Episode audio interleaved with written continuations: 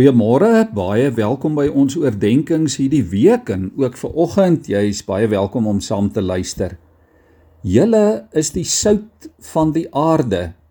Maar as sout verslaan het, hoe kry 'n mens dit dan weer sout? Dit is Jesus se vraag in Matteus 5 vers 13. Liewe vriende, soms hoor 'n mens dat daar van iemand gesê word dat hy of sy is die sout van die aarde. Hulle is sout van die aarde mense. Dit beteken dat hulle buitengewone goeie mense is ook met sterk waardes. Maar as Jesus nou kom en hy sê ons is sout van die aarde, dan beteken dit ons gee smaak aan 'n smaaklose wêreld. Ons beginsels as gelowiges, die riglyne, die beginsels waar volgens ons lewe dring geleidelik deur in hierdie smaakloosheid van die wêreld waar mense in sonde rondom ons leef. Ons versprei die geur van genade en van liefde in hierdie wêreld waar mense verwerp is en eensaam is en waar baie mense verlore gaan sonder Christus. Ons invloed werk genesend in in 'n stikkende wêreld. Ons sout word korrel vir korrel uitgestrooi en het 'n invloed in ons omgewing. Die smaak wat ons bring maak 'n verskil sodat mense ook nie daarsonder kan klaarkom nie.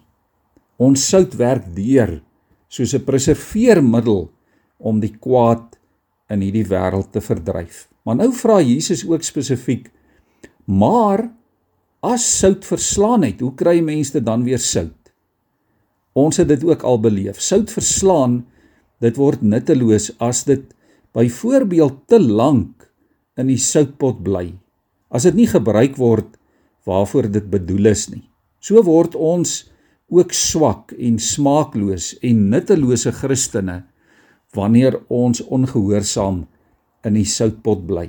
Wanneer dit te gemaklik raak in ons omgewing, wanneer ons nie met die kos wil meng nie of wil kies oor watter kos ons dan nou uitgestrooi word of wanneer ons dalk voel ons is te swak of te min of te gering om 'n verskil te maak. En daarom moet jy en ek altyd versigtig wees om onbruikbare sout te word wat ons smaak verloor. Die sout wat laf geword het. Dit word uiteindelik sê Jesus buitekant weggegooi en mense vertrap dit. In Jesus se tyd is dit waarvoor sout wat laf geword het gebruik is. Nuttelose sout is letterlik gebruik om paaie mee te bou. Omdat dit daar buite in die son en in die wind en in die weer kliphard geword het, letterlik soos 'n teerpad omdat dit ook laf geword het. Mense daarop getrap, mense daarop geloop. Dis nie eers bruikbaar vir die grond sê Jesus in Matteus 5 vers 13 of vir die ashoop nie. Die Here het sy sout in jou gedeponeer toe jy sy kind geword het, toe jy die Heilige Gees ontvang het.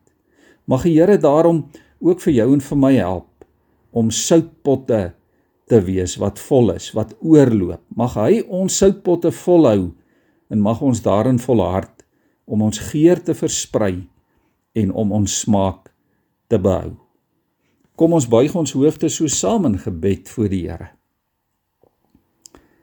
Here, ons leef in 'n wêreld wat smaak nodig het. Ons leef in 'n wêreld, Here, wat dit nodig het om anders te wees, om mooi te word, om nuttig en bruikbaar te wees. Maar Here, daarvoor moet ons as gelowiges self ook nuttig en bruikbaar wees. Ons moet self ook smaakvol wees. Ons moet 'n aangename lekker smaak en 'n aangename geur in hierdie wêreld versprei onder die mense waar ons woon, waar ons werk, waar ons leef, waar ons elke dag besig is. Ook ons huismense, die mense naby ons, maar ook mense met wie ons terloops elke dag in aanraking kom. Here, dis ons gebed vir môre.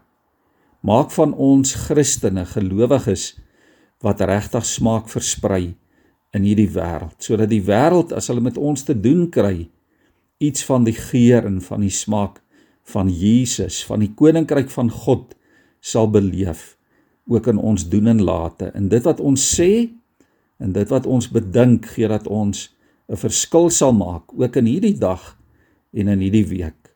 Ons bid dit in Jesus se naam. Amen.